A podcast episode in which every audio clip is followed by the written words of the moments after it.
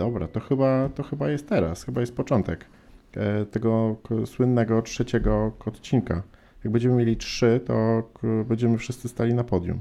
Nie, to chyba nie ma żadnego związku. No dobra, witamy Państwa bardzo serdecznie w trzecim odcinku Aha Super. Jest e, z nami Rafał Szychowski, aka Stary Gracz. Dzień dobry. I Bartek Drozdowski, aka, aka, aka Aha Super. Albo Drozdu, nie wiem. A, właśnie, bo jeszcze jak w opisie odcinka pomyślałem sobie, że powinniśmy dodawać linki do y, sociali takich, wiesz, personalnych i żeby gdzie tam nas znaleźć. No dobra, to temat na inną dyskusję. No i warto by zrobić Słuchajcie. rozpisówkę, tak, wchodząc ci słowo, przepraszam, odnośnie tego, co będzie w odcinku. Rozpisówkę? E, spis treści w skrócie. A, nie, no tak. No właśnie, to teraz y, ja przede wszystkim chciałbym podziękować za y, niesamowity, fascynujący bogaty, eksplodujący feedback po naszym e, debiucie.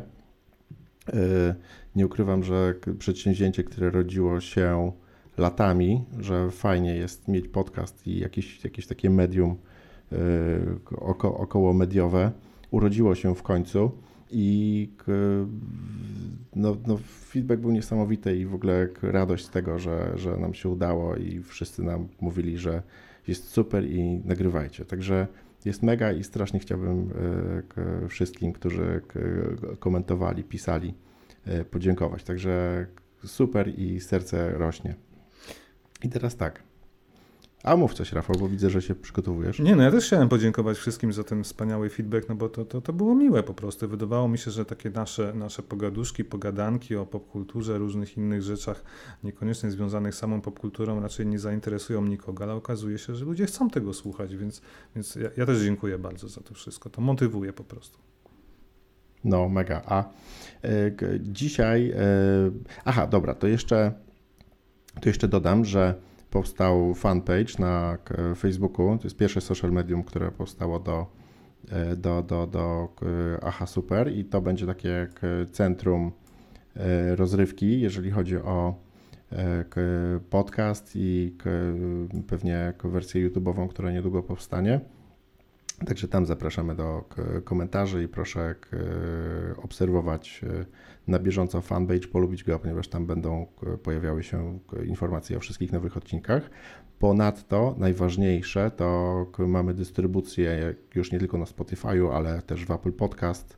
Jesteśmy na Google, jesteśmy w Packetcaście, także nasze RSS-y są rozdystrybuowane i podcast jest y, w 100% profesjonalnym medium, który jest osiągalny na wszystkich platformach. Także gdziekolwiek chcecie nas słuchać, tam jesteśmy.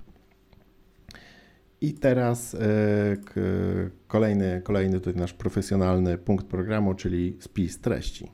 I dzisiaj tak, dzisiaj chcemy trochę pogadać w mniejszym chaosie. Nie, chaos zawsze będzie, ale przynajmniej będziemy starali się regulować e, ten chaos i jednym z takich czynników, które ten chaos regulują jest spis treści, ponieważ z Rafałem rozmawialiśmy przed audycją co najmniej z 20 minut i dyskutowaliśmy o tym, o czym będziemy dyskutować, co pewnie nie do końca się sprawdzi, ale trzeba mieć jakieś tutaj marzenia. Dlaczego? Dlatego przygotowaliśmy się też do e, punktu związanego z giełdą. Ja trochę popowiadam o tym, dlaczego warto grać na giełdzie, dlaczego giełda jest, jest fajna i popowiadać jeszcze o jakichś takich małych, mm, fajnych rzeczach, które są związane z tym tematem. Bierzemy też na E, na, na tapetę pierwszą spółeczkę, czyli PCF, e, People Can Fly, która niedawno wydała grę Outriders, czyli zupełnie na bieżąco. To jest chyba taki fajny punkt wstępu, żeby pogadać o, o początkach tej, tej spółki i romansie z Epiciem i o tym, że firma robiła Epica, nie Epica, tylko Fortnite'a przez chwilę. E, dalej mamy temat dotyczący Masters of Doom, czyli nowej książki o twórcach e, Dooma i Quake'a, czyli id Software czy ID Software? id Software. id, tak. A, ale wejdę Ci słowo, to nie, jest, to nie jest nowa książka, bo to jest stara książka, która wyszła już w 2003 roku, czyli w zamierzchłych czasach, ale wyszła na polskim rynku w 2020 no roku, niedawno, na jesieni. Więc to jest mhm. akurat dobry moment, żeby właśnie o tym pogadać. I co ważne, autor dopisał epilog w tej książce, który opowiada o tych dalszych losach bohaterów. No, minęło 17 lat. Zostaw, zostaw content, okay, zostaw okay. content na później. Tak, bo ja jestem chaos, ty jesteś anarchia, a Jesteśmy, propos tego początku, więc... Jesteśmy ciągle w spisie treści. E, dobra, i mamy później Johna Carpentera, tutaj Rafał jest e, ekspertem, a później mamy temat e, rodzinny dotyczący Family Linka, czyli takiej aplikacji znienawidzonej przez wszystkie dzieci, która pozwala rodzicom zarządzać czasem dzieciaków i być jak ten, być najgorszym rodzicem E, na świecie. Także jeżeli chcecie zobaczyć, jak być najgorszym rodzicem na świecie, to wytrzymajcie do końca i tam będę mówił o e, Family Linku. No i mamy to, to chyba w sumie tyle. Wydaje mi się, że e, kontentu nam starczy, a na, na końcu, znaczy w międzyczasie pewnie i tak będziemy skakali na jakieś inne tematy. I co jeszcze chciałem powiedzieć? Chciałem bardzo jeszcze w nawiązaniu do początku, chciałem e, odpowiedzieć na komentarze i feedback. Te, które zapamiętałem, to to, mm, iż e, e, dostaliśmy sugestię, iż aby podcast był krótszy. Wynosi, czasy pierwszego i drugiego odcinka to było 48 minut. Natomiast ciężko nam chyba, panie Rafale, będzie się zmieścić w jakimś krótszym czasie i rozkręcamy się na tyle długo, że chyba będziemy ciągle celować tak w 45 godzinę, ale chyba nie będziemy starali się tego, tego przekraczać, co nie? Znaczy ja wejdę tylko znowu Ci w słowo, bo dobrze Ci idzie ten wstęp, że zajmiemy się też lepszym montażem, no bo to jest istotne, że tamte odcinki tak naprawdę nie były montowane, to było czyste flow, troszeczkę wyczyszczone z pewnych elementów, ale, ale nie było aż tak pocięte, jakbyśmy chcieli, więc na pewno te odcinki mogą być parę minut krótsze, no na pewno nie więcej. Rafał, ty musisz się pochwalić, ty masz nowy mikrofon przecież. A, tak, tak, mam nowy mikrofon, e, bo przecież nagrywałem dwa ostatnie odcinki na słuchawkach. E, no właśnie. Więc to będzie zupełnie inny odbiór, mam nadzieję, i mam wrażenie, przynajmniej po pierwszych odsłuchach. Zresztą mamy takie same mikrofony, więc mam nadzieję, że ten dźwięk będzie wyrównany, profesjonalny. I ja, jako że nauczyłem się coś tam już montować, to postaram się, żeby ten odcinek był naprawdę dobrze zrobiony. Może tak. No, także i ty masz jeszcze pop filter coś kurde No ale go akurat nie założyłem, bo mam, A, mam... Dlaczego? No właśnie, nie ma go. To tyle opowiadać o tym filtrze i co? I nie ma go? Why? Wiesz co, na razie testuję mikrofon bez tego. Mam wrażenie, że nie ma większej różnicy, a, a staram się jakby o, też nie, nie dyszeć do mikrofonu. Oszczędziłem, oszczędziłem 100 zł. Zobaczymy, no. Potestuję. Następnym razem opowiem, czy warto, czy nie. No dobra.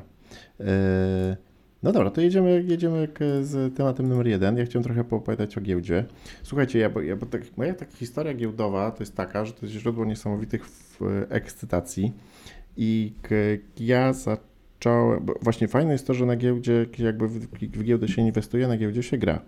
Także to jest w ogóle ciągle zdarzenie losowe i które nie ma zbyt wielu reguł trzeba się po prostu poddać temu, iż na nie, niewiele rzeczy ma się wpływ. Można zgadywać, czy jest się zwycięzcą, czy, czy, czy będzie się e, przegrany. Ale historia jest taka, że ja kiedyś dawno, dawno temu założyłem sobie konto maklerskie, e, bo, no bo fajnie jest mieć jakieś akcje, wtedy już jest dorosłym i dużym. Kiedy to było mniej więcej? Tak. Dekadę temu, czy? Słucham, bo coś przerwało. Kiedy to było mniej więcej?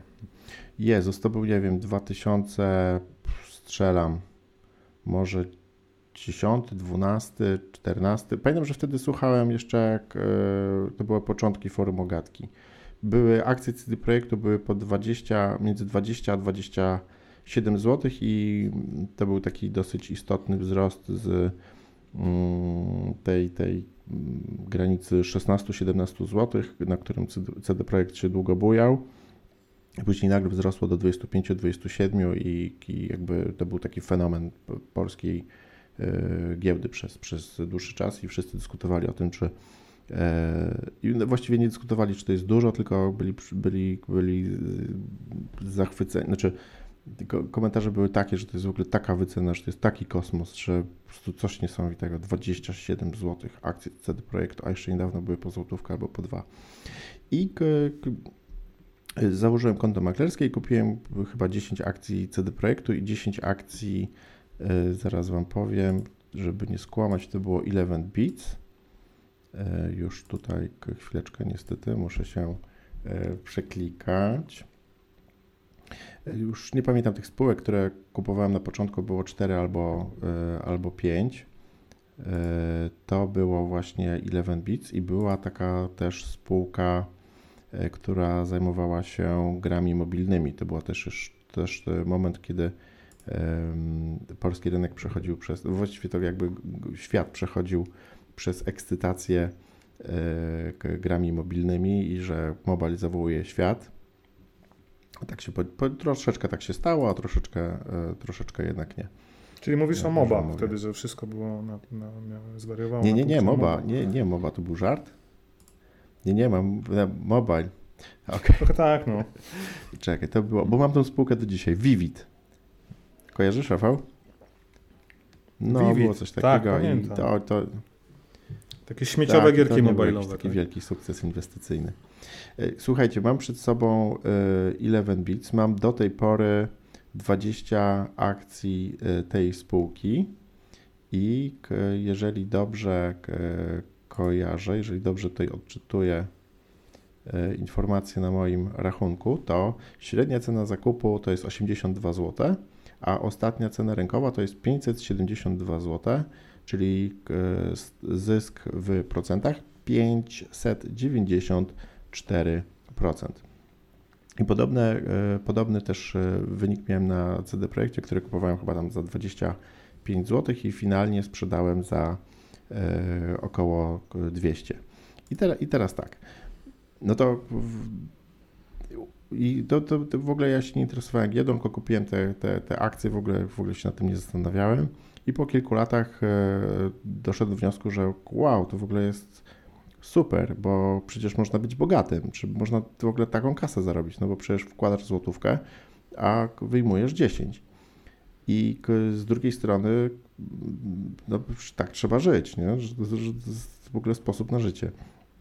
Ale e, druga, druga teza jakby wynikająca z tej, tej sprawy wokół giełdy, jakby polega, jakby esencją giełdy jest to, że mm, niezależnie od tego, ile dana spółka urośnie, to twój zysk jest proporcjonalny do tego, ile w te akcje kasy włożysz. I yy, tak to niestety działa, że yy, można jakby inwestować y, bezpiecznie i w spółki, które yy, na pewno dużo nie stracą, ale można też inwestować jakby niebezpiecznie i ryzykować z ryzykować w rzeczy, które być może kiedyś e, urosną. No i to chyba Mam pytanie w takim razie. Ja widzę na wideo. Inwestowaniu. Słuchaj, nasz podcast jest totalnym chaosem. Jak ja za długo mówię, tak jak przed chwilą teraz, ja jestem chaos, okay. ty jesteś anarchia. E, mam pytanie odnośnie inwestowania. Właśnie na bazie jakich przesłanek podejmujesz decyzję, gdy chcesz kupić lub sprzedać akcje? Czy śledzisz jakby wszystkie wydarzenia, które mogą spowodować dany wzrost akcji albo ich spadek? Czy jak, jak do tego podchodzisz? Bo to jest dla mnie ciekawe. No ja przyznam, że jestem ignorantem giełdowym. Tak? Nigdy nie grałem na giełdzie, nie znam się na tym, mówię o tym głośno, że to nie jest dla mnie. Może ty mnie przekonasz, że, że, że da się przewidzieć pewne rodzaju sytuacje, czy Wiesz co, a zobacz, czy jakby grając w gry, myślałeś, że możesz zmonetyzować tą e, umiejętność. Oprócz, e, oprócz e, wygrywania nagród na międzynarodowych nie, nie festiwalach, tylko turniejach growych, jak, jak są nie wiem, w StarCrafta albo w Fortnite'a i tam ludzie są sławni i zarabiają miliony, bo machają szybciej myszką. Ale to są cyborgi trenowane w obozach e, pracy w Korei Południowej od małego czy tam od 12 roku życia. Oni codziennie mają treningi w StarCrafta albo wiesz, w inne gry, które są tam popularne. Tak jak my byśmy, nie wiem, codziennie trenowali na siłowni, to jakby jest zupełnie, wiesz, coś innego, nie? Albo jak masz zawody No, no i właśnie, ale słuchaj, słuchaj, słuchaj. starymi graczami, których nie stać no, na monetyzację. No, właśnie o to chodzi, nie? Że po prostu jak, jak jesteśmy w jakimś medium i interesujemy się grami i gramy w te durne gry, no to wiesz, no to jeżeli masz wiedzę o grach i co jest fajne i co jest niefajne, a dużo gier jest z polskiego rynku, chociaż to nie jest y, jakiś, jakiś też problem, żeby, nie wiem, kupować akcje Electronic Arts, to wiesz, można się właśnie w to zabawić. I, i, i właśnie tak do tego w, trzeba podchodzić, że e, tych takich jakby fajnych firm na polskiej giełdzie game devowych jest, nie wiem, z 20 załóżmy, takich, które jakby każdy z nas podświadomie zna, bo gdzieś tam o nich słyszał, to jest nie wiem od, e, od e, Draw Distance, które, które e, które kiedyś się nazywały jakoś iPhone, coś tam, nie pamiętam. O, exactly. iPhone for All, oni Serial zrobili Killers, Serial aktualnie na Killers. które czekamy. Teraz robią Serial Killers mówili. plus jakiś Shadow Jest, nie wiem, the... jest One More Level Okej. od e, Ghost Runnera. Jest, mamy strasznie dużo do opowiadania. Jest oczywiście Blueber, jest Playway, jest TS Games, jest Movie Games, Creepy Jar z Green Helen, też jakby spółka, która była na topie, ale A Sim Fabric, Wiesz bo co, to mnie, to mnie bardzo tego- intryguje. tej intryguje ta kwestii spółka. Simfabric nie kojarzę. Ja tylko kojarzę ich z Twittera, że jest to spółka, która bardzo dużo zapowiadała i bardzo dużo o sobie mówiła. W, to, to jest jeszcze też fajna rzecz, że w ogóle fakt, że e, fakt, że e, przede wszystkim CD Projekt został królem polskiej giełdy i jest firmą game devową, oczywiście spowodowało to, że bardzo dużo film, firm e, zaczęło robić w Polsce gry, ludzie zaczęli robić gry, później zaczęli wchodzić na giełdę, ale też jakby na samej giełdzie wy, wywołał taką falę debiutów, że przez pewien czas cokolwiek byś nie robił, a robisz gry i jesteś na giełdzie, to za, za 5 lat będziesz warty tyle co CD Projekt. I też jakby jest dużo patologii w związku z tym. Między, między, między innymi właśnie ten y, Sim Fabric wspomniany przez Ciebie. Czyli można produkować PR-owo nic nieznaczące newsy i komunikować je na giełdzie przez y, RSI, tak to się bodajże nazywa, czyli takie oficjalne komunikaty. Y, Wiesz, no jakby robić wokół siebie baz, z którego nic nie wynika, a wycena rośnie. Wiem, bo pracuję w holdingu giełdowym, więc wiem, jak to wygląda od środka publikacji, audyty, raporty. No, no, no, RSI no właśnie, no tam no, no wiemy, no, że giełda to jest jakby taka inna, równoległa rzeczywistość. Yy, To jest ciągle gra, wiesz, można... Jest to, jest to przede wszystkim fajna zabawa. No, To chyba się ładnie można powiedzieć, gra na uczuciach inwestorów i, i tak bym to podsumował. tak, i jeszcze wrócę sobie tutaj do notatek, bo... Yy, Otóż yy, odnośnie tego naszego giereczkowa, to jako, że tak jak wspominałem, że jak ktoś gra w gry, to czemu nie kupić sobie kilka akcji jakiejś spółki i patrzeć, czy, czy jest, jest do dupy, czy, czy, czy, czy jest fajnie. Yy, Ale nie zachęcamy może do grania e, na giełdzie ludzi. Jakby, nie- nie chciałbym, żeby wyszło od nas, że zachęcamy wszystkich do grania na giełdzie, no bo to jednak jest, no nie chcę powiedzieć, że pewna forma hazardu, ale bardzo ryzykowne działanie, tak? Można stracić pieniądze, można oczywiście zyskać pieniądze, tak? Ale, ale nie chciałbym, żeby to było tak, że my namawiamy bardzo gorąco do grania na giełdzie. To właśnie to cofamy się w tym momencie, robimy, przywijamy do początku i na samym początku podcastu mówimy, że my absolutnie y, nie namawiamy, każdy robi to na swoją odpowiedzialność, można stracić oszczędności swojego życia i absolutnie nie namawiamy. No dobra, to słuchaj, y, dobra, to giełda jest fajna, będziemy wydać, Opowiadaj, to jest bardzo ciekawe. Ja, ja, ja dalej nie rozumiem, znaczy rozumiem jakby, no, siedzimy w Giereczkowie, wiemy, że jak damy dla przykładu case CD Projekta, no bo to jest naj, najważniejsza, najważniejsza spółka na giełdzie, wiemy, że jest premiera Cyberpunka. Dla mnie premiera Cyberpunka była jednoznaczna z tym, że akcje wzrosną, a stało się wręcz odwrotnie. Ja bym na przykład nie przewidział tego, tak, ale ty na przykład pewnie wiedziałeś albo zakładałeś, że pójdzie w drugą widzisz, stronę, i Rafał, czyli, że i premiera no, nie, przepraszam, y, ja chciałem tylko od razu Ci powiedzieć, że jesteś tak zwaną ulicą. Czyli ulica to jest, k, nie to neguje. jest, to jest y, takie określenie na forum bankiera albo nie wiem, ogólnie na, na, na w świecie giełdowym. Ulica to są ludzie, którzy gdzieś tam w spożywczaku usłyszeli, że na giełdzie coś y, rośnie i wtedy szybko lecą kupować akcje danej, danej spółki i w przypadku CD Projektu zwykle to, znaczy może tak, y, w- Rzeczą oczywistą jest to, że akcje spółki po premierze od razu spadają, ponieważ e, kupuje się, zawsze trzeba kupować oczekiwania, a sprzedawać fakty. Tak, także jeżeli, jeżeli coś jest jakby do, dopiero e, jeżeli coś jest jakby napompowane i, znaczy może napompowane to jest złe, złe słowo, ale jeżeli są jakieś wysokie oczekiwania, to, to można śmiało jakby inwestować. Natomiast odnośnie samej premiery, to e, taką niepisaną zasadą jest to, że k- po premierze danej gry akcje nie, niezależnie od tego, jak, jak gra byłaby dobra, to spadają niestety. No dobra, Okej, dzięki. i teraz y, Dobra, to co, przechodzimy, jakby o samej giełdzie też jeszcze będziemy, będziemy sporo rozmawiali. Natomiast Jest bardzo ciekawy temat. Fajnie to przekazałeś i ja myślę, że na pewno warto wrócić do tego, bo, bo chyba sam spróbuję. No. słuchaj, to wyobra- zobacz sobie, możesz wymienić teraz e, tutaj w moich ulubionych e, spółki growe, moje ulubione. No CD Projekt oczywiście, CI, Game, CI Games, Farm 51, e, Artifex Mundi, też jakby polska, e, polska firma, która jest długo na, na, na giełdzie, Cubic Games. Ale powiedz mi właśnie, każda, każda, każda firma produkująca gry musi być na giełdzie, nie, to jest nie, taki owczy pęd trochę?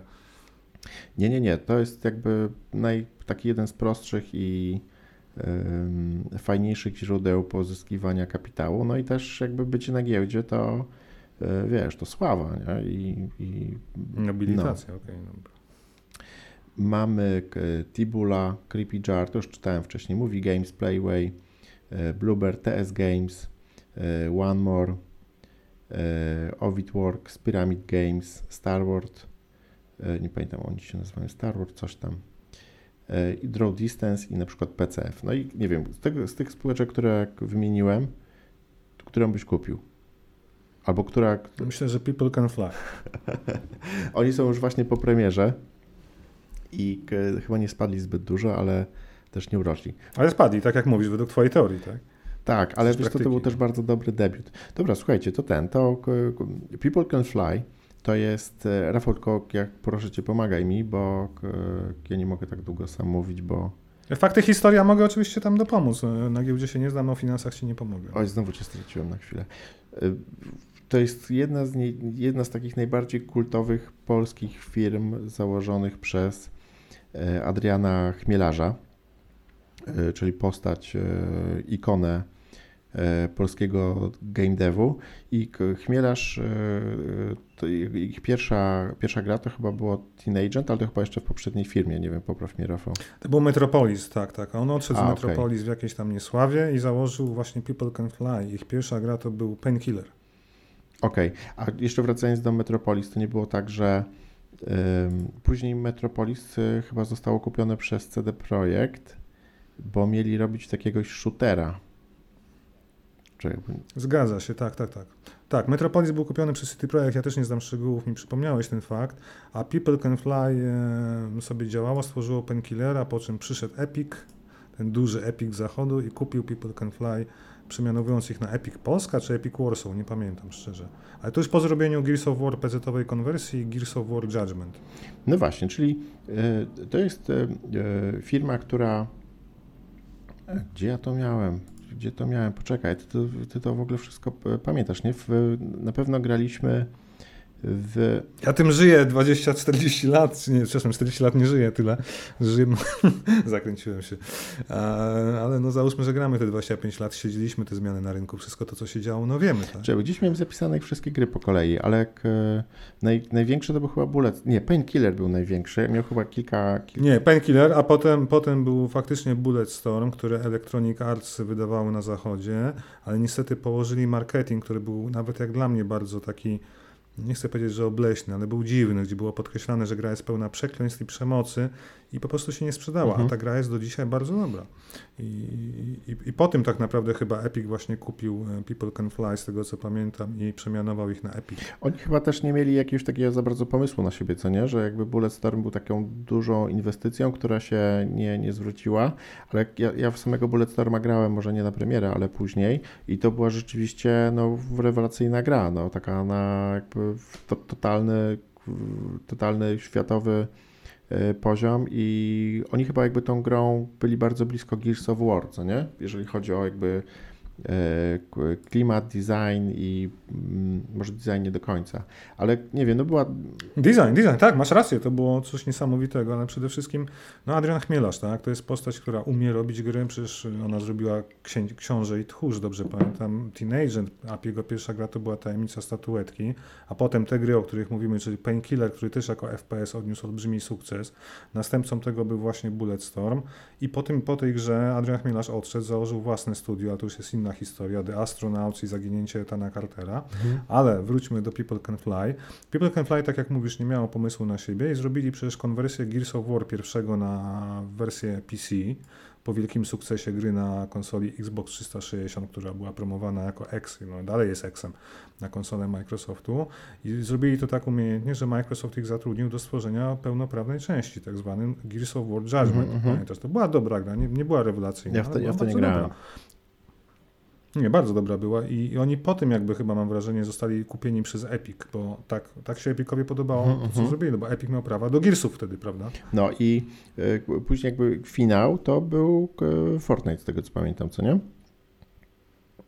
No bo... Ja już nawet tego nie przestałem to śledzić, powiem Ci szczerze. Tak, no bo jakby po tak. tym, jak wiesz, no jak, tak. jak kupił ich Epic, to oni siedzieli bardzo, chyba po tym Judgmencie, który, który był, jak, tak jak mówisz, bardzo fajny, ale też chyba nie, nie, nie jakimś tam totalną, chyba Gears już był taką trochę zmęczoną marką i, e, i, i było po prostu ciężko. Już nie skupiałem się na historii, bo, bo nie, nawet nie pamiętam, do czego mówimy o tej historii, że skończyło się tak, że People Can Fly zamieniło się w Epic, bo zostało kupione Epic Warsaw czy Epic Poland, whatever. Mhm. I okej, okay, i, i, i, pamiętam, że skończyło się tak, że ktoś odkupił chyba tą firmę, czy Epic zrezygnował, właśnie tego nie pamiętam. I nagle pojawił się znowu People Can Fly w kontekście premiery Outriders. No właśnie, bo tutaj była długa nie historia. Oni, oni się wykupili z Epica jeszcze wydaje mi się, że przez chwilę jeszcze robili Fortnite'a, który później wrócił do Ameryki, zadebiutował jako e, taka gra o robieniu bazy i strzelaniu do, do zombie w takim dziecięcym klimacie, ale bardzo szybko stała się Battle Royalem po, e, po sukcesie czekaj, ten skrót BC, czy Battleground, Underground. Battle Royale. Ale nie, nie, nie. Ta gra, która była pierwszym Battle Royalem takim. Players Unknown Battleground. Tak, w skrócie PUBG. O, PUBG. No, PUBG. Oczywiście. No dobra, to właśnie szybciutko wracamy do tego e, PCF już e, po Epiku. I oni bardzo długo siedzieli cicho.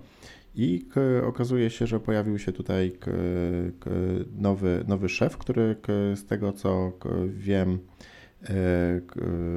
pracując w Epiku, będąc dyrektorem generalnym e, PCF-u, jakby dokonał rozwodu i tą osobą był Sebastian Wojciechowski. I tutaj taka dygresja, bo okazuje się, że pan Sebastian Wojciechowski pracował w firmie CR Media od 1997 do 2007 roku, a część naszych słuchaczy, w tym my, E, którzy zajmują się e, reklamą w internecie, a w czasach CR mediów nie było digitalu, tylko była reklama w internecie, to pamiętają taką, taką e, firmę.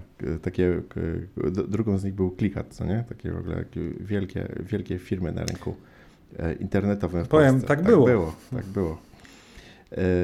I Sebastian Wojciechowski jeszcze później pracował w Eurozecie od 2008 e, do 2011 i tutaj już e, w Epiku jest od 2012 roku, także zakładam, że to był taki e, dyrektor po, znaczy dyrektor, no po prostu osoba, która, która z świata mediów cyfrowych przeszła do, do świata gier. E, no i pan Wojciechowski jakby później został też e, głównym akcjonariuszem, właścicielem e, PCF-u i od 2015 firma, zakładam, skupiła się nad własnym projektem, czyli Outriders, który był realizowany dla Square Enix.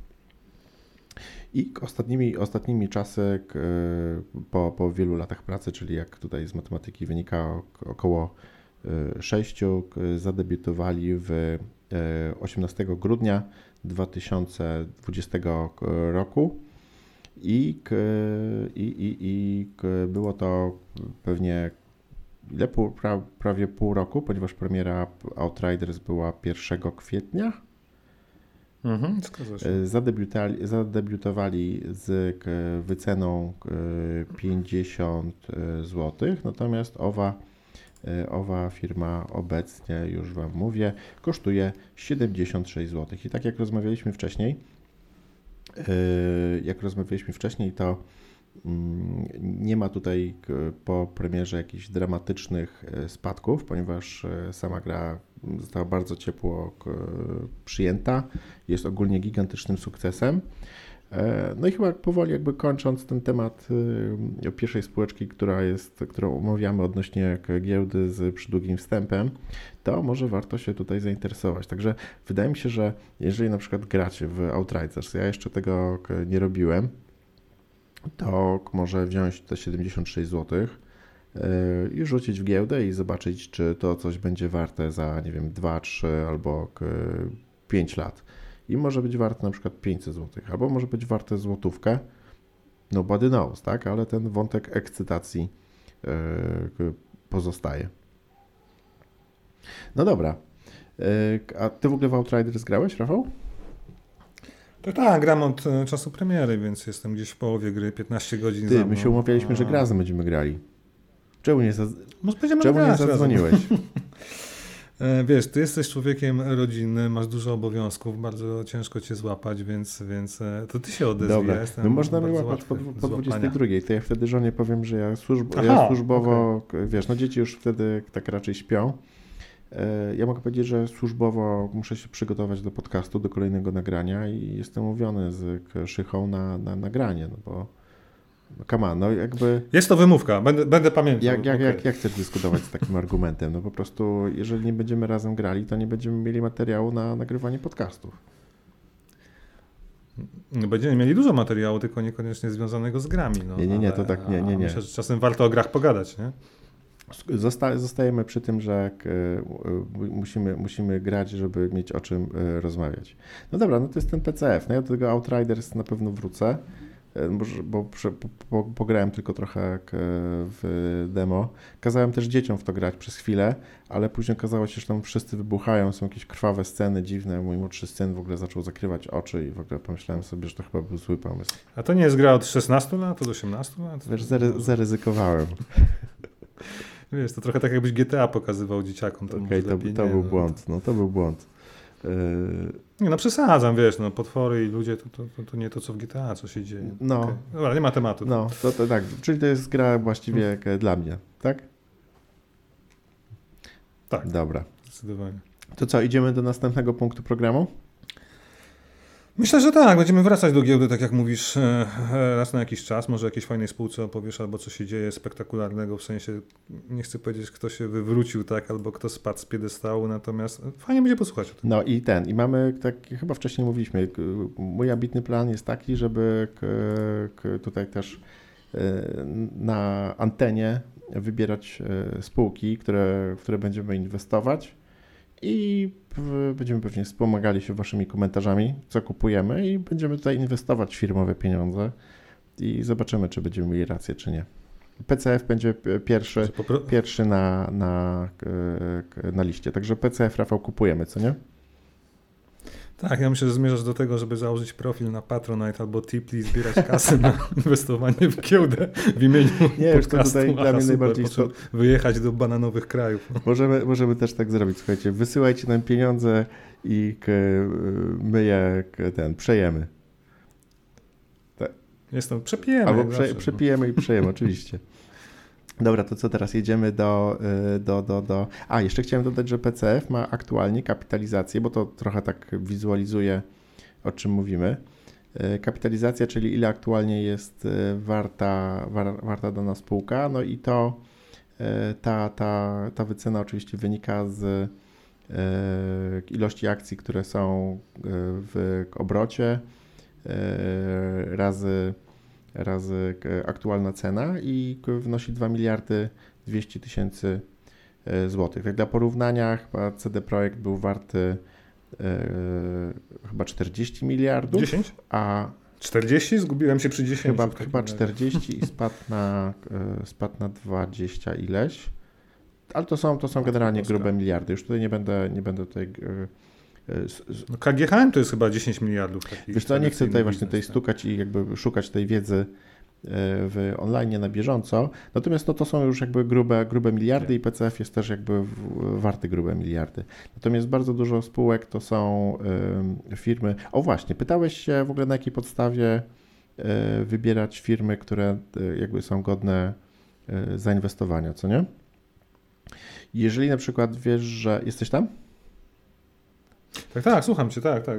A, bo się. wizja mi się za ten, za, zafrizowała, to po prostu byłeś zamyślony.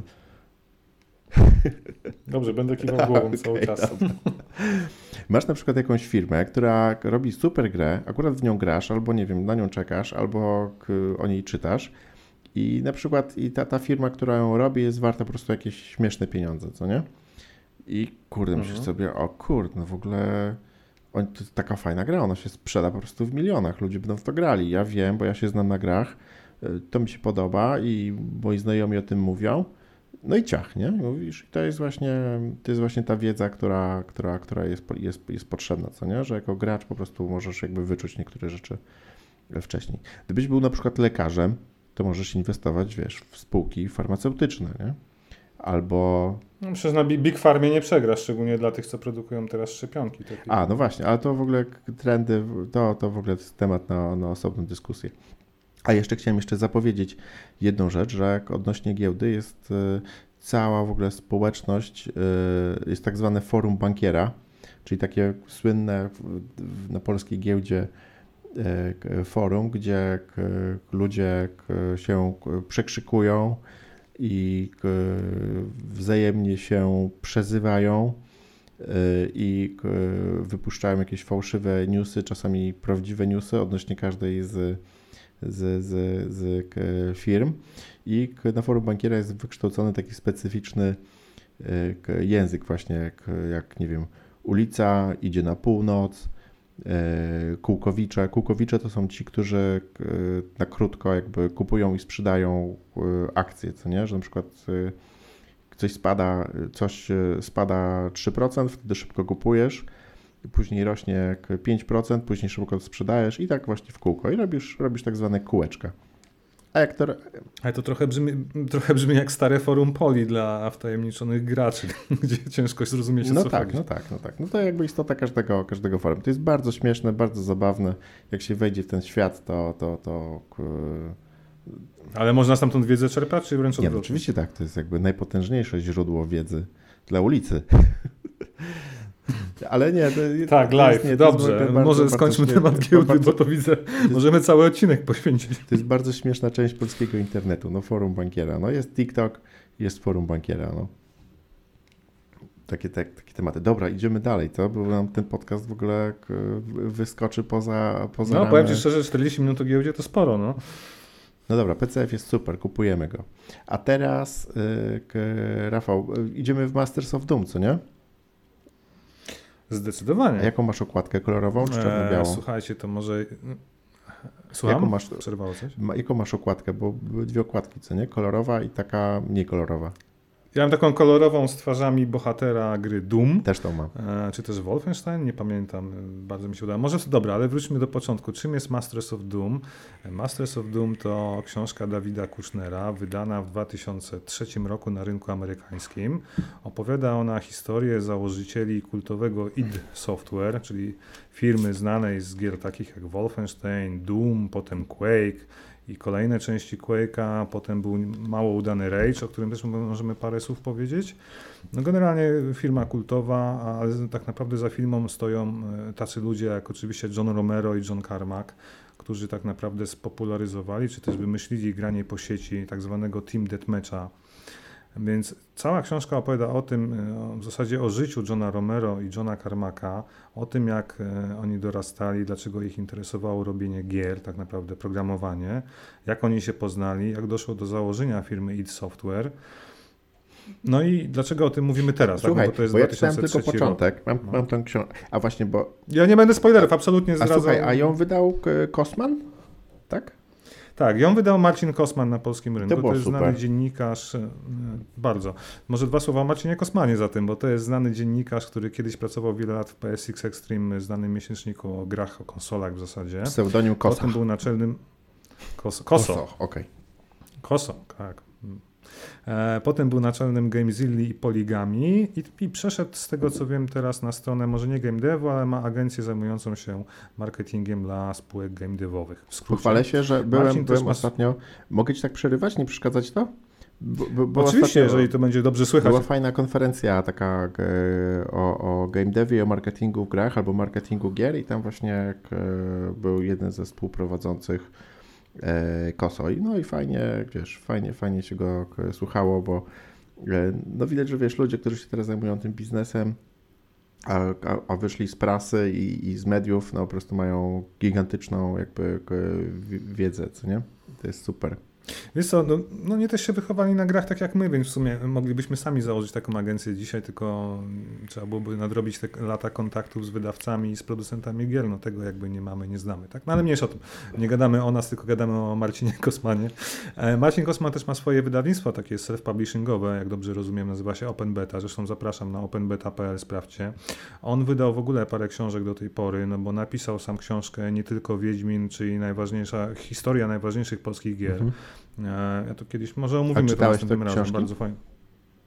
Ja mam wszystkie Ale książki, czy jakie wychodzą je? na polskim rynku. Oczywiście. okej, dobra. One nie stoją tylko na półce, żeby No cieszyć ja mam oko książki, okładką. które kupuję, wiesz, o wow, fajna książka, kupuję, nie? I mam, a to Słuchaj, tak jak pokazywałem ostatnio, nie wiem czy widać za mną, tam widzicie, to są moje podręczne książki, które chcę przeczytać w tym miesiącu. No, i nie możesz się ruszać, bo Ja to zmieniam. mikro- Mike cię, Mike cię gubi. A, przepraszam bardzo. To chciałem tylko pokazać, że tam są z tyłu rzeczy, które czytam na co dzień przez najbliższy miesiąc, tak. Więc ja, a jeszcze mam Kindle w szufladzie, bo tam głównie ładuję, wiecie, normalną beletrystykę, która mi się już nie mieści w mojej bibliotece. Więc jest o czym opowiadać, jest co polecać, tutaj się nie martwcie, ale wracając, bo jak zwykle zaraz, zaraz wpadnę w, jakąś, w jakiś słowotok i będę opowiadał. Wróćmy do Marcina Kosmana, jego wydawnictwa. I do książki. Warto tam zajrzeć, bo jest książki. No i wróćmy do Masters of Doom może tak. Więc Marcin Kosman... Prze... Dobrze, Marcin... Marcin Kosman e, przetłumaczył książkę Masters of Doom na polski rynek przy pomocy Ryszarda Chojnowskiego aka Rysława. Okładkę zaprojektował Kowal z Fakesforge, więc tak naprawdę to jest robota od fanów dla fanów, że tak się wyrażę. I, i, I polecam. Ja nie wiem, czy w ogóle można ją kupić jeszcze, bo ja wiem, że te wszystkie książki rozchodzą się błyskawicznie i często trzeba czekać na dodruk. No ale zakładam, że to jest w miarę świeży temat, to jest do kupienia. Sprawdźcie openbeta.pl. Ale wracając do książki, no ja przeczytałem ją oczywiście raz i to, co mi się najbardziej spodobało, to taka no, trochę fabularyzowana e, historia jakby e, tego życia Johna Carmacka i Johna Romero.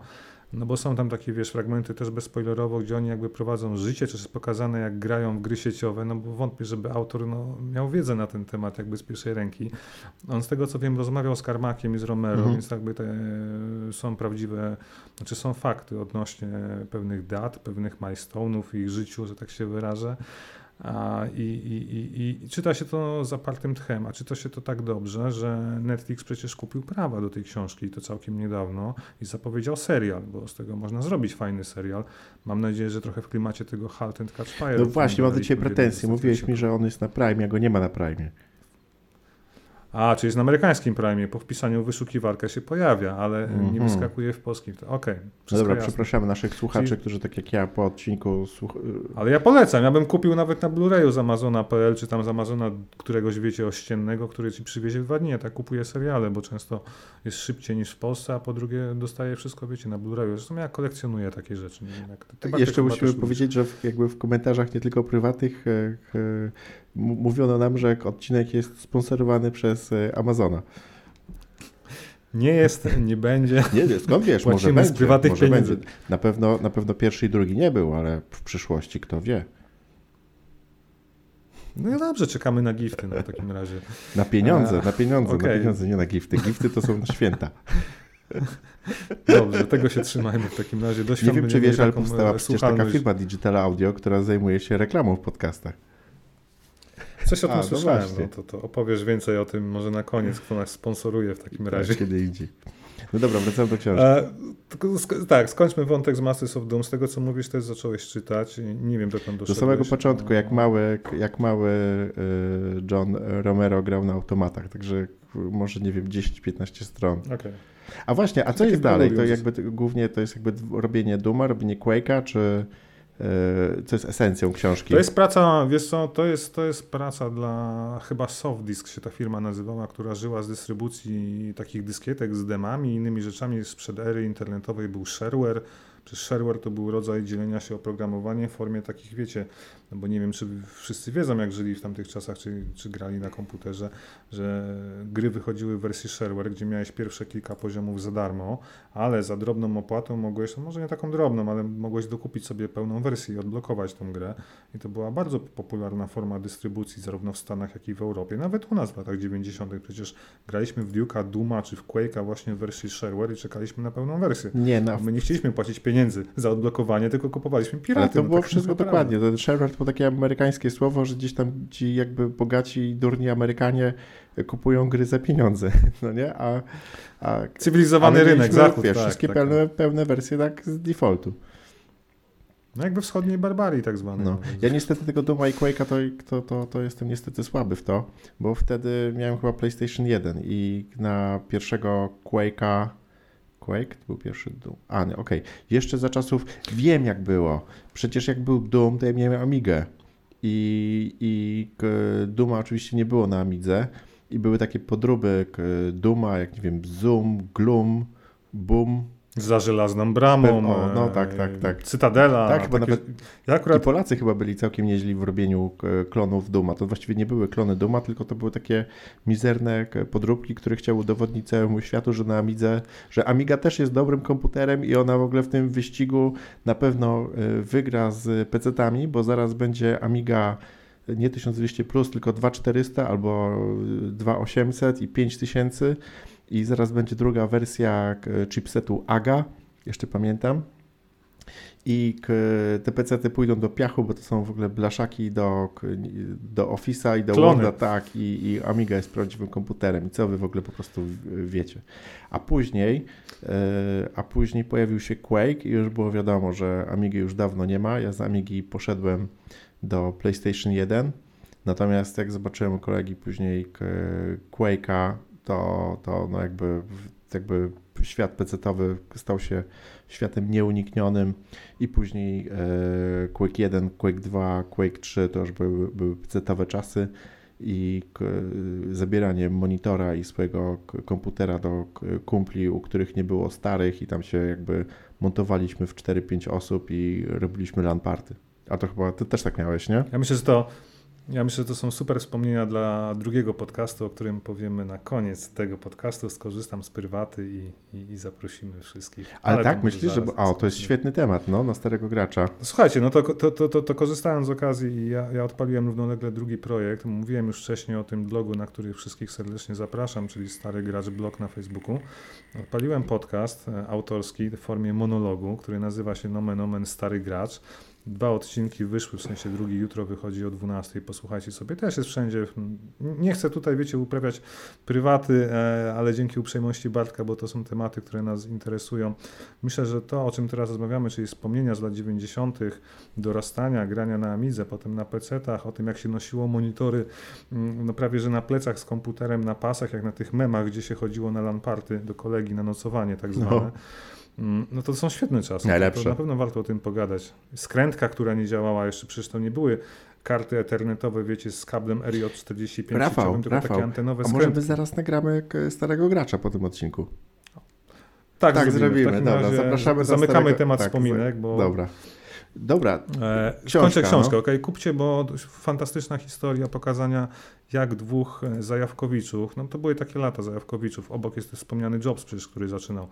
Znaczy nie, już nie zaczynał, bo to były lata 80., a natomiast pokazane, jak z małej firmy garażowej zrobili no, wielką firmę, a potem korporację, która ich kupiła, czyli BTSD, e, czy Zenimax ich kupił, zawsze mi się to myli. Nie, Bethesda jest właścicielem id Software, ok. A, świetnie napisane, a za co w ogóle należy się do Zenik, Zenimax to była taka firma, nie wiadomo co nad, nad nimi, co nie? Tak. Taki CAP, Tak, koncern tak, medialny, tak. który jest właścicielem Bethesdy i tak dalej. Oczywiście to oni to sprzedali teraz Microsoftowi, taka jest nowożytna historia. Ale skończmy temat książki. Marcin Kosman napisał epilog, za co chwała mu, no bo jak wiecie, przed chwilą mówiłem, że książka wyszła w 2003 roku. Przez 17 lat wiele się zmieniło. Którym? I Marcin Kosman dopisał... W 2003 O Jesus, wyszła ta tak książka na rynku amerykańskim. Dobra, to nie wiedziałem. Tak, i do, i, i do tej pory nikt jej nie wydał na polskim rynku, dlatego fajnie, że Marcin wyszukuje takie rzeczy. W sensie kultowe pozycje ze Stanów i je tłumaczy. Mhm. No, mam nadzieję, że będą kolejne perełki do nas trafiać, bo często śledzę, zresztą śledźcie jego Instagrama, on pokazuje, co kupuje na zachodzie z tych książek takich bardzo fajnych, e, anglojęzycznych, więc można się domyślić, że która z nich może będzie wydana po polsku. Tego Mhm. nie wiem, spekuluję oczywiście. Kończąc, fajny epilog napisał właśnie o losach tej dwójki bohaterów, czyli John Carmack i John Romero, co robili, jak się potoczyły ich dalsze losy przez następne 17 lat, aż do dzisiaj. I, I tak się kończy książka, czyli jesteśmy na bieżąco. To nie będzie spoiler, jak powiemy, że. Romero to tak e, tam nie, nie za bardzo pociągnął karierę w game devie, bo jego Daikatana On wrócił. wrócił? On wrócił do game devu, bo on wydał teraz Empire of the Sin, taka bardzo dobrze przyjęta strategia ekonomiczno-gangsterska w czasach prohibicji. Ostatnio była na okładce Pixela, dlatego kojarzę, bo leżą koło mnie stosy.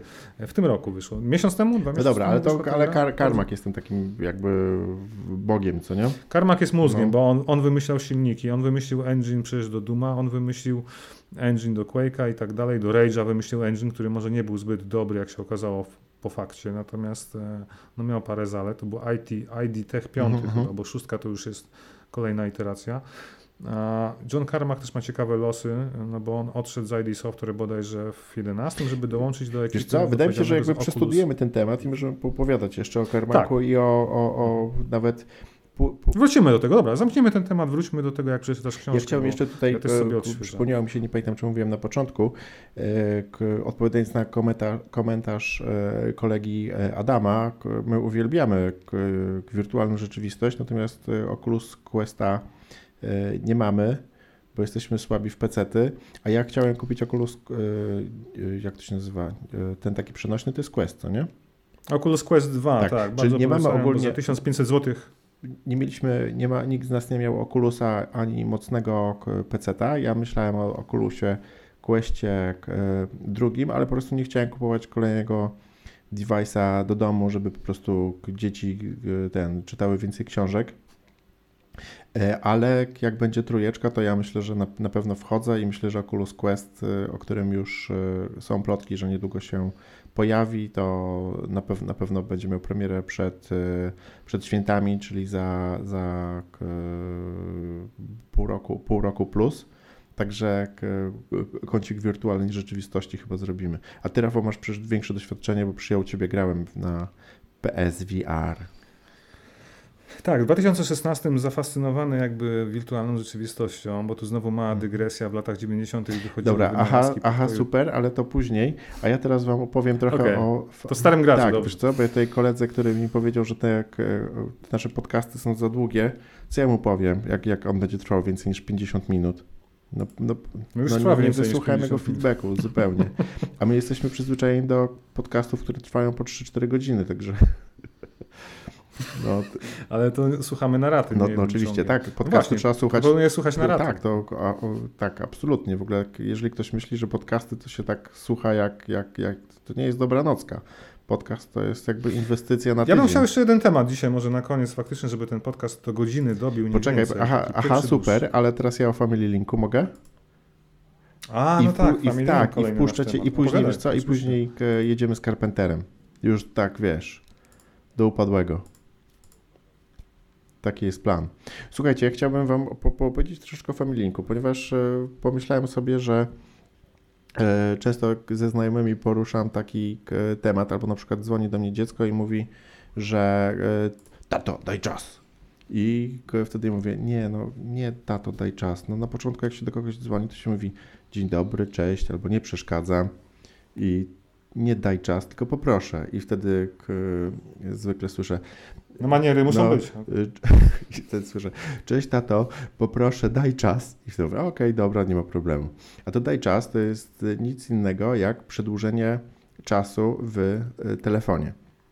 Każdy rodzic wie, że pojawia się taki moment, to pojawia się jak zwykle bardzo, bardzo wcześnie, kiedy dziecko zawier- zabiera ci telefon i gra tam w swoje, y, swoje gry. Później pojawia się taki moment, kiedy y, dzieciaki już mają własne telefony i tutaj wszystkim rodzicom polecam zainteresowanie się tematem i koniecznie zainstalowanie takiej aplikacji właśnie jak e, Family Link. To nie jest aplikacja, tylko e, to jest em, charakterystyczna, to jest jakby opcja charakterystyczna dla Androida, natomiast w iPhone'ie chyba też takie organizatory i administratory czasu telefonu, który jest przyporządkowany do rodziny, też istnieją, natomiast zupełnie się na tym nie znam, ponieważ jestem anty-Apple. Ale Rafał pewnie kiedyś opowie o wszystkich rzeczach związanych z Applem. No, Zawsze. No, no, no, właśnie. Natomiast, Daj znać. Natomiast w, Google jest Family Link. I teraz wyobraźcie sobie, że zamiast, e, zamiast krzyczeć na, na swoje e, zestresowane dzieci, żeby oddały telefon albo ile można grać, można zrobić taką magiczną rzecz. Ona polega na tym, że ściąga się Family Linka w opcji dla rodzica na E, na swój telefon dla, tego, dla administratora. Później Family Linka w wersji dla e, dziecka ściągamy na telefon dziecka oczywiście. E, konfigurujemy te urządzenia w bardzo prosty sposób, tam przez bodajże podanie kodu i zarejestrowanie się na swoje i konto, konto na drugim telefonie. To jest bardzo proste, banalne, tak proste jak założenie konta na Facebooku. Tutaj moja rada, Nigdy w życiu nie wolno mówić dziecku, że właśnie instalujemy u niego na telefonie aplikację, która e, da nam możliwość zarządzania tym telefonem i go wyłączania w dowolnej chwili i wiedzę o tym, e, gdzie jest, ponieważ każdy, żaden normalny człowiek by się na to nie zgodził. Także trzeba tą informację e, zachować w tajemnicy. No dobra, jeżeli już mamy za tego Family Linka zainstalowanego, a z ciekawości no. właśnie, no jak masz tego Family Linka, ty, ty czekaj, o co się chciałem cię spytać w zasadzie. E, ograniczasz e, swoim chłopakom czas na przykład na granie, na konsumowanie mediów, wszystko razem w totalu, czy ty wydzielasz im No to jest właśnie, to jest właśnie esencja, że jakby pierwsza rzecz to jest taka, to jest oczywiście limit na dzień, czyli e, przydzielasz e, limit działania e, całego telefonu w czasie e, doby. U mnie dzieciaki mają to od godziny do dwóch. Natomiast dodatkowo można też, można też e, zaprogramować e, pory snu, także że telefon na przykład nie włącza się szybciej niż, e, nie wiem, godzina siódma albo dziewiąta. Ale on jest martwy, zablokowany, on jest, on jest w sensie wówczas zablokowany i no, ma tam informację, że telefon zablokowany, pora spać albo jeszcze nie, whatever. No jest zablokowany, nie włączysz go. Natomiast kolejna, i teraz tutaj pojawia się pytanie, no dobra, to jakby telefon jest wówczas cegłą, a wcale nie, ponieważ można też wybrać aplikacje, które jakby działają poza tą blokadą. Jakby naturalną, zawsze włączoną aplikacją jest opcja telefonu, czyli wyobraźcie sobie, że z telefonu można zawsze dzwonić, e, czyli na przykład można zadzwonić do rodzica z prośbą daj czas. Co jeszcze? Jezu, Bartek, ale wejdę ci słowo, to, to jest jakby zaprzeczenie takiej trochę idei wychowania dzieci, mm, mm, wiesz, zmierzam do tego, jak było za naszych czasów. Jak gdzieś szlajałem się w Moskwie po jakichś wysypiskach śmieci, jak w cyberpunku, w błocie umorusany, bez żadnych telefonów, smyczy, GPS-ów, a dzisiaj mamy, można by zaśpiewać piosenkę Better Religion, 21st no. Century Digital Boy, tak? I, i, I te dzieci są jakby takim kloszem ochronnym i jakby straszny dysonans. No niestety, tam, no, ale my nie mieliśmy dostępu do takich technologii. Byśmy my, wie, no wiesz jak jest, nie? Jakby dziecko, dziecko nie, no wiem, ale może jest... nie było tyle zagrożeń też na ulicy, co? Nie, nie, no to jest już jakby kolejny, kolejny temat, ale y, gdy, wiesz, no praktyka wygląda tak, że dzieciaki z telefonami, no to to jest po prostu totalna, totalna masakra i jakby bez takich ograniczeń Dlatego mówię o tym już w trzecim odcinku. Aha, super, że jeżeli ktoś ma dzieci, to dużo ludzi po prostu o tym nie wie, nie interesuje się albo gdzieś tam myśli sobie, ok, kiedyś zainstaluję, słyszałem, że coś takiego jest. E, dobra, jeszcze oprócz tego telefonu można wybrać, jakie aplikacje są zawsze dostępne. Absolutnie nie wolno dawać e, e, dostępu do YouTube'a, to jakby wszyscy wiedzą. I, i, no ale można uruchomić na przykład, e, ja mam zawsze dozwolone, dozwolonego WhatsAppa, no bo dzieciaki jakby komunikują się ze znajomymi przez WhatsAppa, e, dostęp do, do, do zdjęć, jakichś tam innych pierdół albo takich aplikacji, które są po prostu zawsze użyteczne, a nie są YouTube'em albo nie są grami. Jeszcze ponadto istnieje opcja akceptacji instalowanych aplikacji. Czyli na przykład, jeżeli moje, moje dzieci chcą zainstalować sobie nową grę, to ja po prostu dostaję powiadomienie, że dana osoba, Tymon albo Olaf, prosi o zainstalowanie aplikacji, pojawia się jej nazwa, skrót, wystarczy kliknąć, że, że jest OK. No to daje jakiś tam, e, daje, daje na to wiedzę, ile nowych gier się pojawia na telefonach dzieciaka. Trzeba pamiętać o tym, że dzieciaki są sprytne i jakby też bardzo szybko starają się obchodzić te ograniczenia.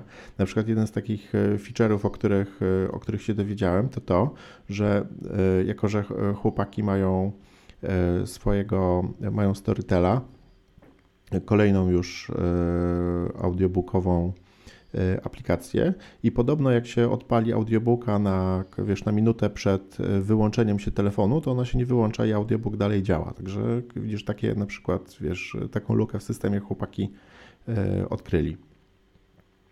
No i chyba, no i chyba tyle odnośnie samego Family Linka. Family Link jest super. Nie mówcie o tym dzieciom, że to instalujecie, ale zainstalujcie, zainstalujcie koniecznie zamiast Y, wrzeszczeć na dziecko, żeby schował telefon, bo ile można grać. Można po prostu, on się wyłącza automatycznie i to jakby też jakby pomaga. Mm, jeżeli, ja chciałem jeszcze dodać na koniec, jeżeli później po jakby po mamy, mamy teraz naukę zdalną, tak, ale jeżeli wieczorem pogadasz z synem i mówisz mu, słuchaj, widzę dzisiaj w statystykach, że grałeś Brawl Stars godzinę, a później dwie godziny na YouTubie, to chyba przesada, co nie? I wiesz, wyobraź sobie dwie godziny czytać książkę, nie? A i dwie godziny na YouTubie, nie? I wtedy, przynajmniej ja tak mam ze starszym dzieckiem, który już jest kumatem, no tak, rzeczywiście, to kurde, jest kupa czasu, nie? To jutro już nie będę tyle oglądał. Także to jest, naprawdę spoko.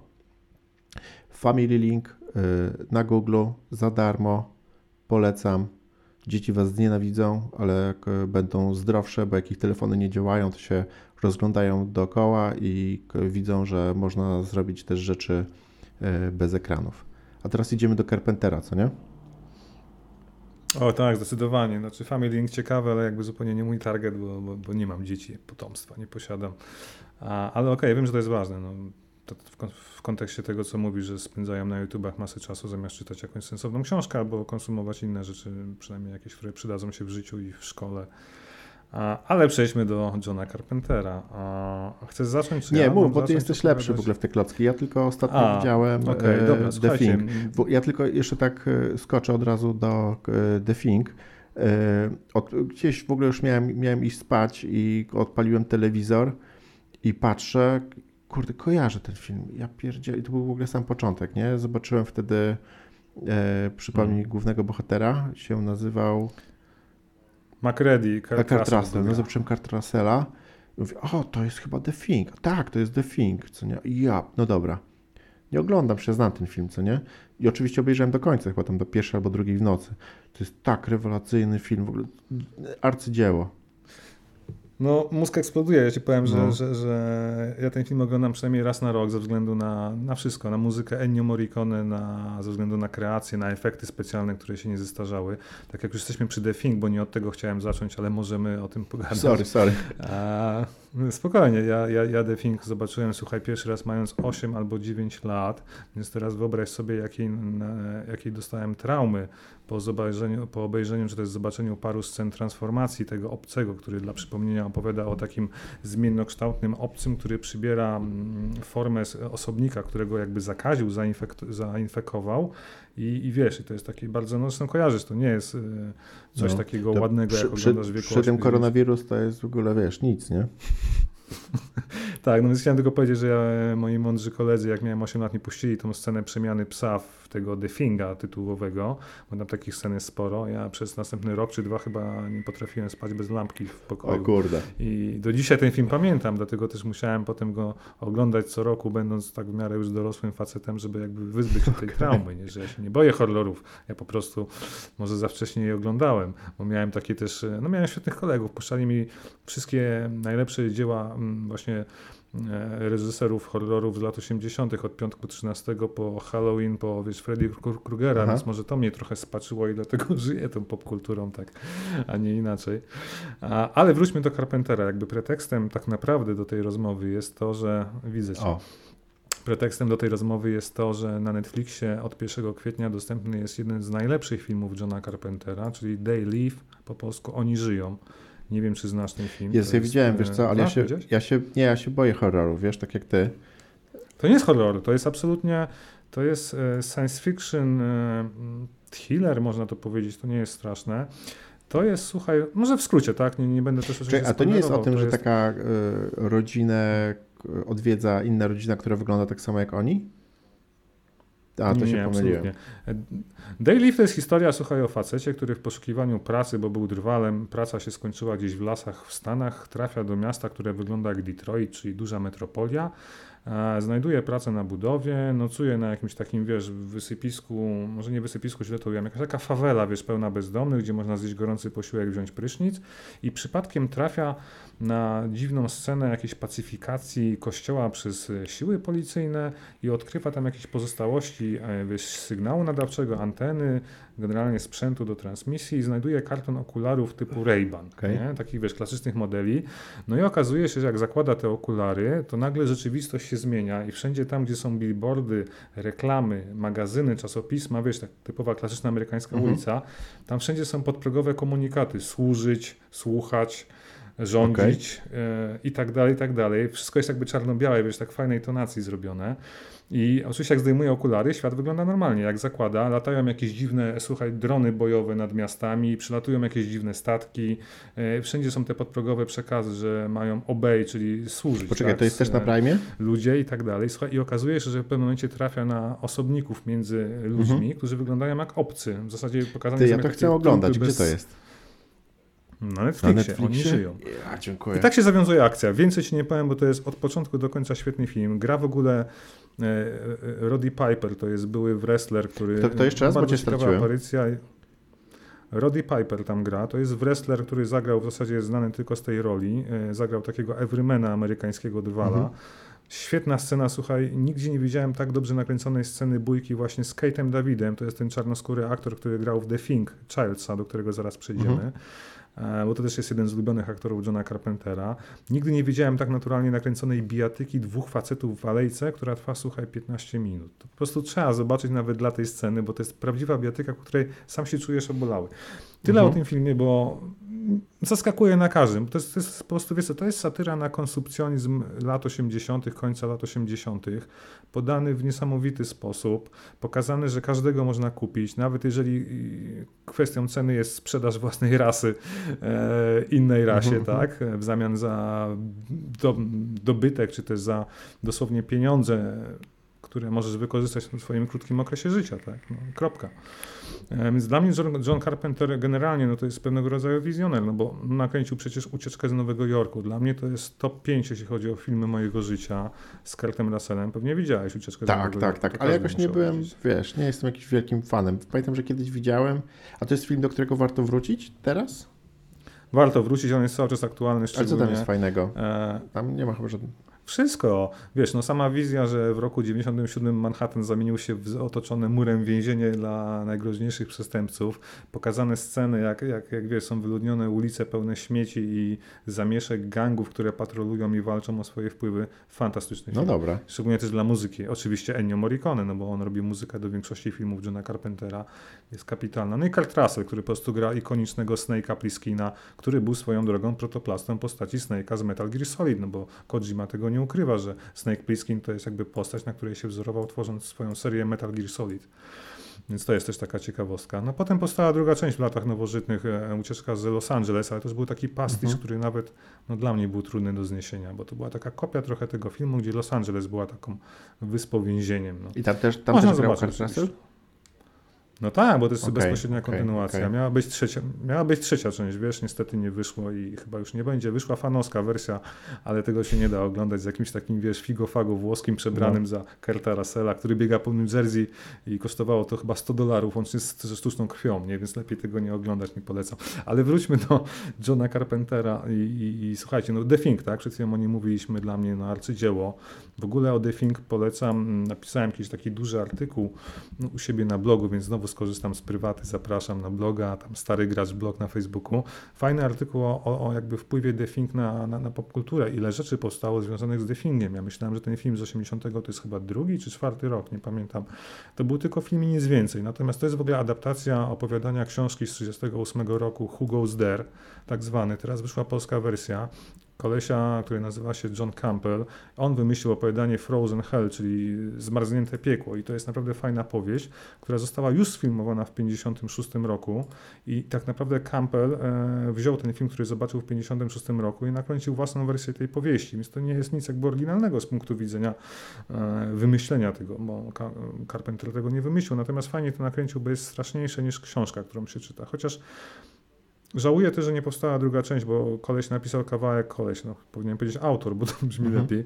E, oryginalny autor napisał kawałek drugiej części The Thinga, ale no, poza tym, że wyszło w tej książce, jest bardzo fajna polska, polska edycja tej książki, polecam. Coś się nazywa oczywiście, bo takie jest polskie tłumaczenie The Thing, chociaż The Thing znamy też pod nazwą Rzecz, pamiętasz, Tak, z naszego tak, tak, dzieciństwa. A, a od wielu lat oficjalne tłumaczenie to jest coś. Więc wyszła książka wydawnictwa Vesper, zresztą tych, których kupuje książki obcego, o których Hmm. gadaliśmy w pierwszym odcinku.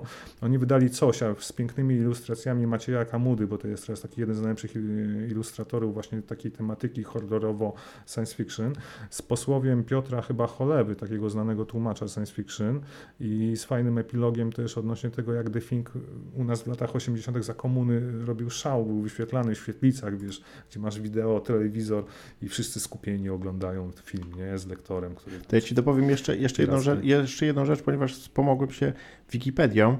E, film, jeżeli ja nie jestem fanem e, tego e, ucieczki, to Wielka Draka w chińskiej dzielnicy. Widzę też, że była Carpentera, a ten film w ogóle na maksa pamiętam Oczywiście, kojarzę. oczywiście, no znowu Kurt Russell, znowu niesamowita, no nie wiem jak to powiedzieć, No. tak jak mówi, tytuł oddaje jakby to, czym jest ten film, Wielka Sieka w Ja, chińskiej, zupe, Wielka ja zupełnie nie pamiętam, o czym on był, ale wiem, że byłem nim zachwycony. I chyba do niego wrócę no w razie. ostatnio, os- koniecznie, ja też wrócę do tego, no nie wiem, czy oglądałeś Atak na 13 posterunek, jeden z pierwszych filmów Carpentera, e, wyszło zresztą remake, wyszedł e, w latach 2000 z Ethanem Hawkiem, co ciekawe, E, Oryginał jest bardzo fajny, polecam. To jest po prostu bardzo prosty film. No, mamy y, posterunek gdzieś w jakimś getcie, wiesz, na odludziu, który praktycznie nie ma kontaktu z centralą, Mhm. a aresztują jakiegoś bossa gangu. I teraz wyobraź sobie, że ten boss gangu, który siedzi u nich w areszcie, czeka na odsiecz, a tych kilkunastu policjantów nie wiedzą, co ich czeka, a tam wszystkie gangi z całego Mhm. miasta zaczynają się zbierać i robią najazd na tytułowy najazd na 13, czy też atak Mhm. na 13 posterunek. No tak niesamowitego filmu też dawno nie widziałem i, i to polecam zobaczyć. Jakby te wszystkie pozycje, które wymieni, wymieniłem dzisiaj, czy też wymieniliśmy razem, właśnie szczególnie rozmawiając o The Thing, no to moim zdaniem właśnie składają się na geniusz Carpentera jako reżysera, którego trzeba znać i, i oglądać. A tak? on już niczego nie kręci, on do już jest stary, czy jak to jest? No jest stary, ale wiesz co, wydaje mi się, że Patrzę- jesteś na Wikipedii, wiesz, Tak, to jest sprawdź. urodzony E, w 48 roku. No tak, no to To już wiesz, jest na emeryturze, ale wydaje mi się, że coś nakręcił. Ostatnio weź nie ma ostatnie czegoś co widzę to jest e, Halloween z 2018. I On to reżyserował? E, Czy Mam produkował? filmy kinowe, no wydaje mi się, że tak, no pewnie reżyseria, może, e, może scenariusz. I don't know. Chyba scenariusz, tak. Tak, nic nie zrobił. No, no, kawał, kawał kina, no, kawał historii kina tak naprawdę I, i na tym bym zamknął jakby opowieść o Carpenterze.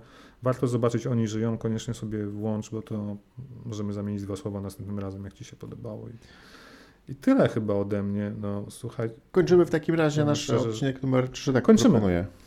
Czyli Aha Super, dziękujemy za wysłuchanie. Zapraszamy na Aha Super na Facebooku do znalezienia bez problemu. Przypominam, że e, podcasty są, o nie, to wszyscy jak ktoś tego słucha, to przecież wie. No. E, I słyszymy się niedługo. Prosimy o komentarze. Czytamy wszystkie z zapartym e, tchem. Czy chcecie krócej, dłużej, o czym, czy podobał Wam się Carpenter Family Link, PCF, giełda i jeszcze jaki mieliśmy temat? Masters, I Masters of of Doom, Doom. No. Piszcie więcej książek, więcej gier, więcej giełdy, więcej tematów rodzinnych, więcej aplikacji, a może o czymś innym. Więcej filmów, No. więcej komiksów. O, komiksów Tak, koniecznie. dzisiaj, Ale to Słuchajcie, my z Rafałem chłoniemy każdy komentarz jak e, gąbki. E, Jesteśmy podekscytowani tym, że mamy podcast. Jest super, aha super i co, żegnamy się. Był z nami Rafał Szychowski. A ja bym chciał na koniec Okej, zaprosić sorry. do tego mojego drugiego projektu, o którym mówiłem, czyli, czyli e, korzystam z prywaty oczywiście i tego, że już mamy jakichś słuchaczy, wnioskując po komentarzach. Jeżeli ktoś ma ochotę posłuchać o grach, wspominki z lat 90. i tym podobne tematy, to stary gracz dostępny wszędzie na platformach typu Spotify, Deezer, Apple Podcast, tak jak Aha Super, więc zaprenumerujcie dwa podcasty. Trzeci odcinek Starego Gracza już zapowiadam, że będzie właśnie z Bartkiem Drozdowskim, ale tylko o grach, więc Ale to dwójka jeszcze, będzie ja słuchałem, ja e, słuchałem, kolidowało Super. słuchałem dwójki przed premierą i jest rewelacyjna. A, dziękuję, no to, to, to miło słyszeć. No. Pracuję na tym, żeby było coraz To co, to jeszcze raz, ja A, kończę. Dziękuję, Aha dziękuję. super, ale był Ja z nami dziękuję. Rafał Szychowski, a ty mówisz? Dziękuję, cześć. Nie, miałeś powiedzieć pa, i Bartek usłyszenia. Drozdowski, no. No Bartek Drozdowski i Rafał Szychowski. Kończymy. Do, do Dzięki. usłyszenia, pa. pa. Cześć, pa.